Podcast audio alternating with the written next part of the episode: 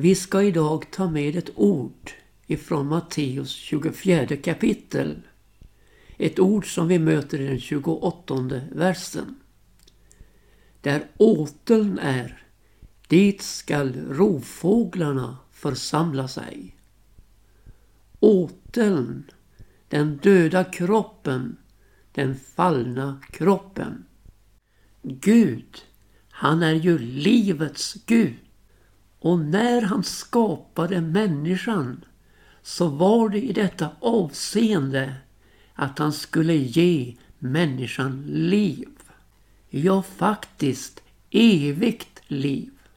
Och vi vet hur han danade människan av jordens stoft och hur han inblåste livsande i hennes näsa och hur människan då blev en levande varelse.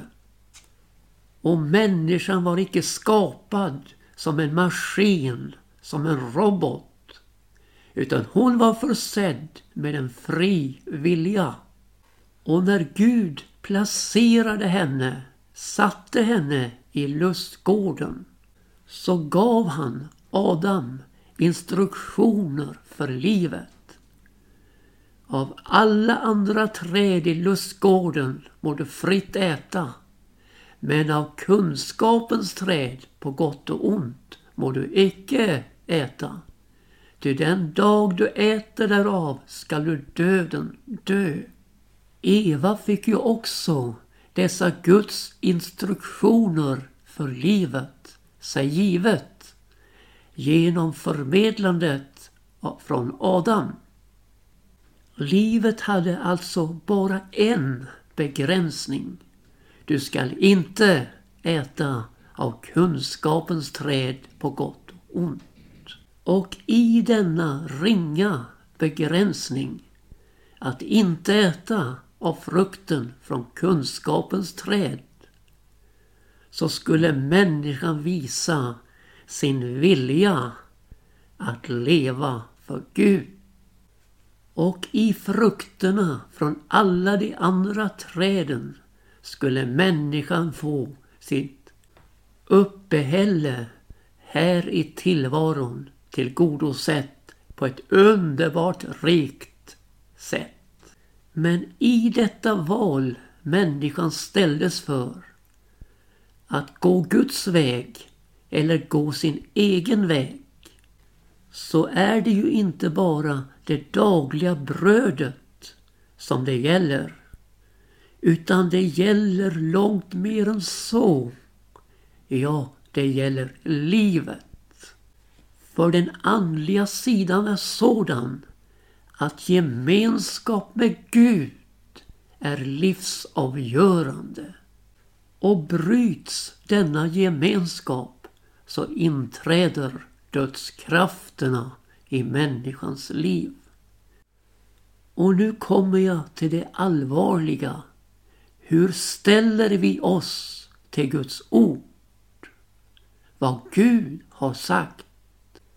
Ormen kommer med sina bedrägliga konster och bedrar Eva först genom att så tvivel i hennes hjärta. Skulle Gud ha sagt och sedan med att fortsätta att pumpa in giftet i hennes liv. Ingalunda har Gud sagt. Vi ser alltså hur det börjar med tvivel och permanentas i hennes liv med otro. Det är han som har kommit för att stjäla, slakta och förgöra som handlar så. Och när Adam och Eva i olydnad mot Guds ord äter av den förbjudna frukten, då inträder den andliga döden. De mister gemenskapen med Gud och härligheten från Gud går förlorad. Skall vi sedan följa dem så inträffar ju också den lekamliga döden som följd av detta förfarande. Låt mig skjuta in här, där den döda kroppen är, dit skall rovfåglarna församla sig. Vi möter här en ond andevärlds inflytande över mänskligheten. Onda andar som rovfåglar slår ned på bytet. Och så har mänskligheten fått kämpa en kamp mot övermäktiga fiender. Redan i nästa generation inträffar det första dödsfallet. Då Kain, som Bibeln säger, var av den onde, slog ihjäl sin broder Abel. Så har denna dödens lie gått fram genom generation till generation. Och vi har fått sett människor i mängd förgöras genom våld, död och ödeläggelse. Ja, syndens lön är döden. Och i väntan på det eviga strafförläggandet bort undan Herrens ansikte och hans överväldigande härlighet till den plats som är tillrädd för djävulen och hans änglar. I väntan på detta upplever människan en andlig död här i tiden som gör att rovfåglarna har mer eller mindre fritt tillträde till den döda kroppen. Ja, Jesus säger att om ni inte tror att jag är den jag är så ska ni dö i edra synder. Det är allvarligt att leva i synden. Och det är ännu allvarligare att dö i sina synder. För då finns ingen återvändo. Vilket finns så länge man är i livet. Rovfåglarna slår ner på olika områden. De har sin spanande blick på väsentliga områden i våra liv. På offerområdet där vi överlåter våra liv i Guds händer. Där vill de slå ner för att förstöra offret och rycka styckena till sig. Nu vill jag läsa ett textavsnitt som handlar om Abraham och ett av hans många offer.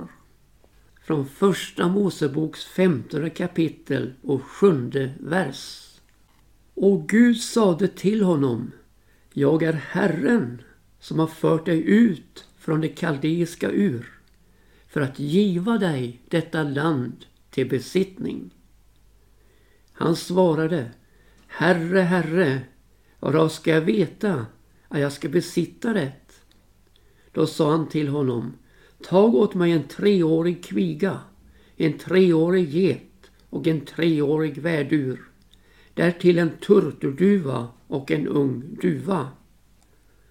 Och han tog åt honom alla dessa djur och styckade dem mitt i tu och lade styckena mitt emot varandra. Dock styckade han icke fåglarna. Och rovfåglarna slog ned på de döda kropparna, men Abraham drev bort dem. Och så fortsätter vi från vers 12.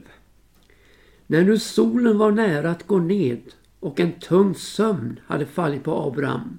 Se då kom en förskräckelse över honom och ett stort mörker. Och han sa till Abraham, det ska du veta, att din säd ska komma att leva som främlingar i ett land som icke tillhör dem. Och det ska där vara trälar, och man ska förtrycka dem, och så ska ske i 400 år. Men de folks trälar, vilka de bliva, ska jag och döma. Sedan ska de dra ut med stora ägodelar. Men du själv ska gå till dina fäder i frid och bli begraven i god ålder. Och i den fjärde släktet skall din säd komma hit tillbaka. Ty ännu har icke amorena fyllt sina missgärningars mått. Kan du se denna bild från det verkliga livet? Där Abraham står vid altaret för att offra åt sin Gud. Allt i enlighet med vad Gud hade förordnat för honom. Vi ser hur köttstyckena ligger mot varandra. Och vi anar att här finns ett bildspråk av oanade dimensioner.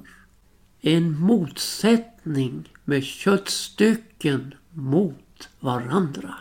Det är här mötet med Gud, försoningsoffret, kommer in.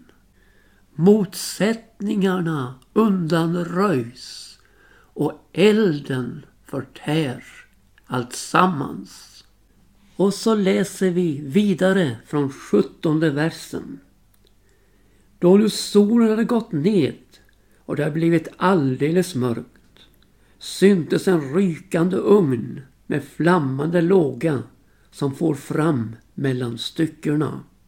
Ja, vi ser hur Guds eld slår ner på köttstyckena och förbränner allt sammans. Vad återstår?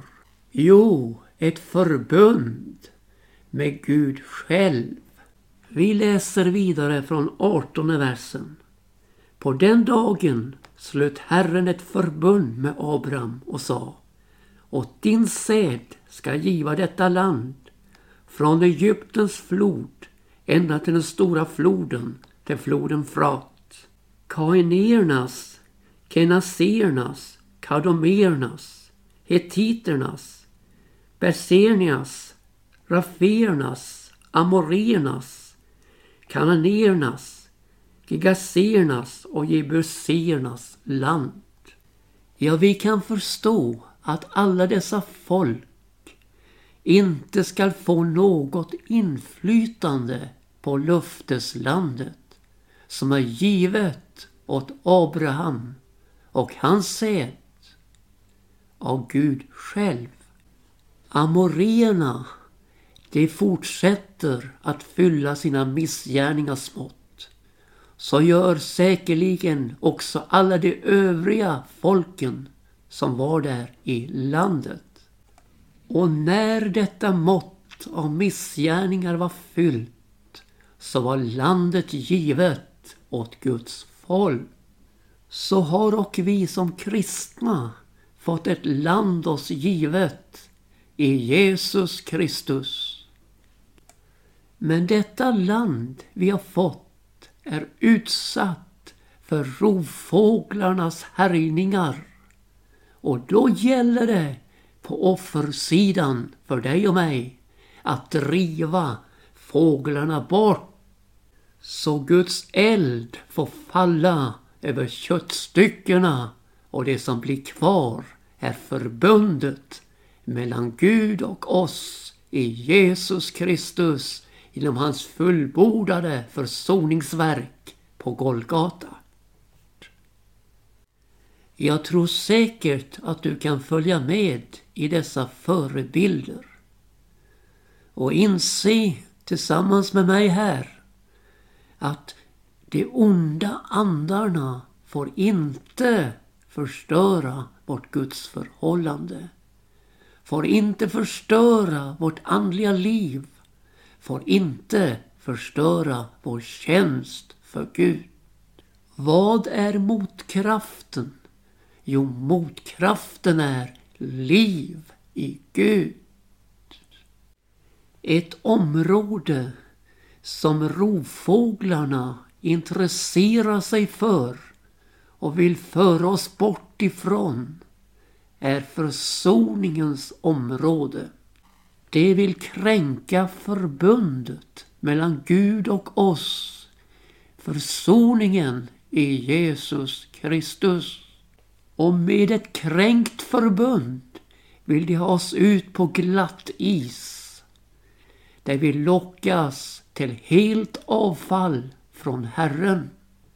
Därför gäller det om att driva bort rovfåglarna från detta område. Det område Gud har gett oss i sin nåd genom försoningen i Jesus Kristus. Det kan inte slå sina klor i oss på försoningens grund utan försöker att få oss ut därifrån. Just på det glatt isen.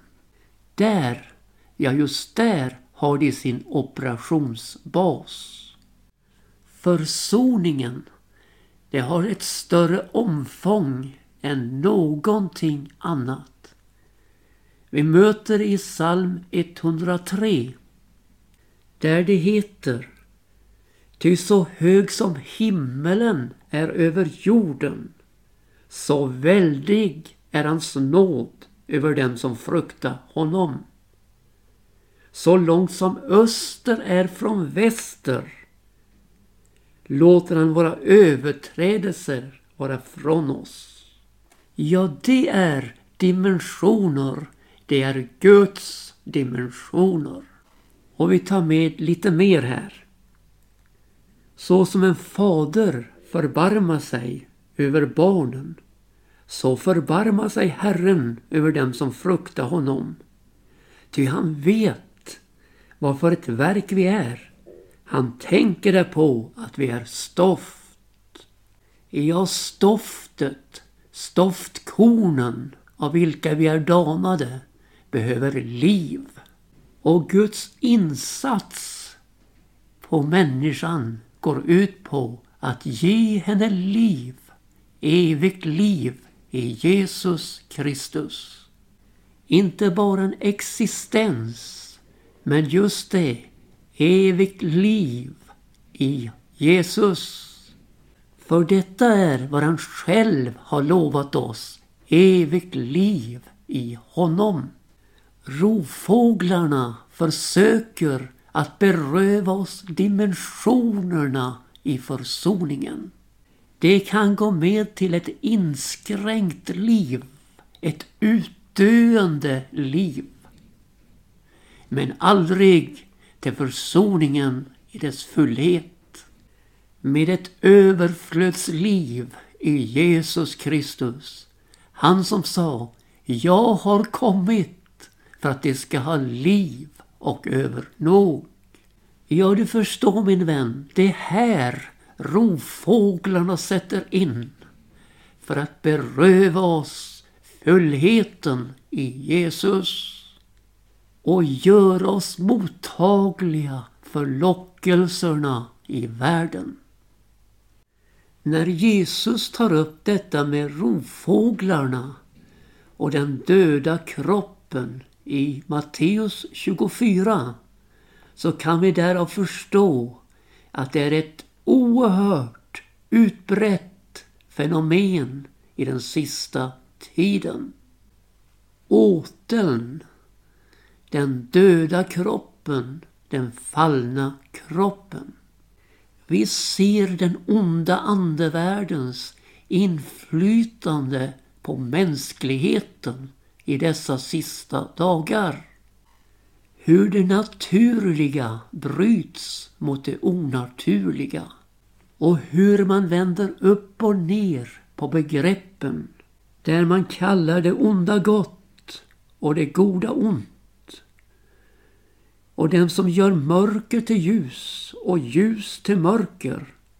Den som gör surt till sött och sött till surt som Jesaja talar om i sitt femte kapitels tjugonde vers.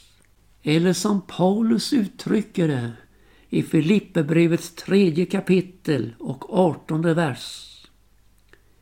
Ty det är, säger han, så som jag ofta sagt er och nu åter måste säga under tårar. Många vandrar som fiender till Kristi kors. Deras enda fördärv, de har buken till sin Gud och söka sin ära i det som är deras skam och deras sinne är vänt till det som hör jorden till. Vi förstår att här finns en död kropp som intresserar rovfåglarna i ändens tid. Och det är klart, med ett jordbundet sinne är det svårt att se när rovfåglarna kommer svepande in över landskapet för att slå ner på bytet. För att vara observant här behöver man ha himlasyn. Ja, se på Jesus, trons hövding och fullkomnare. Upprest i striden med ett upplyft huvud som ser att vår förlossning nalkas. Och förstå att vi tillhör inte denna världen utan vi har vårt medborgarskap i den himmelska världen varifrån vi väntar Herren Jesus Kristus som vår förlossare. I den tid vi lever i är en oerhört påfrestande tid där de onda andemakterna, rovfåglarna, tränger sig på som aldrig förr i syftet att beröva oss himlen. Vi märker hur det är en tilltagande aktivitet på området. Vi lever liksom i ett uppstartsläge för Antikrists framträdande. Hur lögnen plöjer undan sanningen. Laglösheten förökas och kärleken kallnar. Och rovfåglarnas aktivitet är så påfallande. Det rycker och sliter i sina byten. Var är deras byte? Jo, det är åteln. Den döda kroppen, den fallna kroppen. Som talar om ett förlorat Guds liv. En förlorad Guds gemenskap. Där man en gång stod för Jesus ligger man nu pladask för denna världens makter. Saltet har gått förlorat och man blir nedtrampad av människorna runt omkring. Och det sår man här pådrar sig är godklimpar för rovfåglarna de älskar dessa bitar. Men som för Abraham så finns det möjligheter att riva bort dem. Bort ur tankeliv, bort ur ordförråd, bort ur handling. Och på nytt lyfta sitt huvud och se på Jesus åkalla Jesus namnet och på nytt uppleva försoningens dimensioner med en så väldig nåd som himmelen är högre än jorden och med ett befriat område så långt som öster är från väster låter han våra överträdelser vara från oss Jesus namnet håller för tidens utmaningar. Frälsare namnet Jesus som frälsar oss från våra synder. Han som församlar sina barn som hönan församlar sina kycklingar under sina vingar. Under hans vingars skugga finns beskydd för rovfåglarnas härjande i tiden. För väl församlar sig rovfåglarna över de döda kropparna.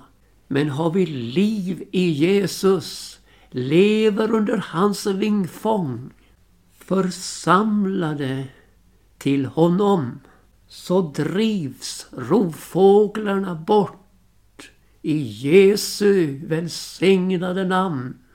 Och vi får erfara hur friden som övergår allt förstånd bevarar vårt hjärta och våra tankar i Kristus Jesus. Lever du idag, min vän? Säg, är väl Jesus ditt namn?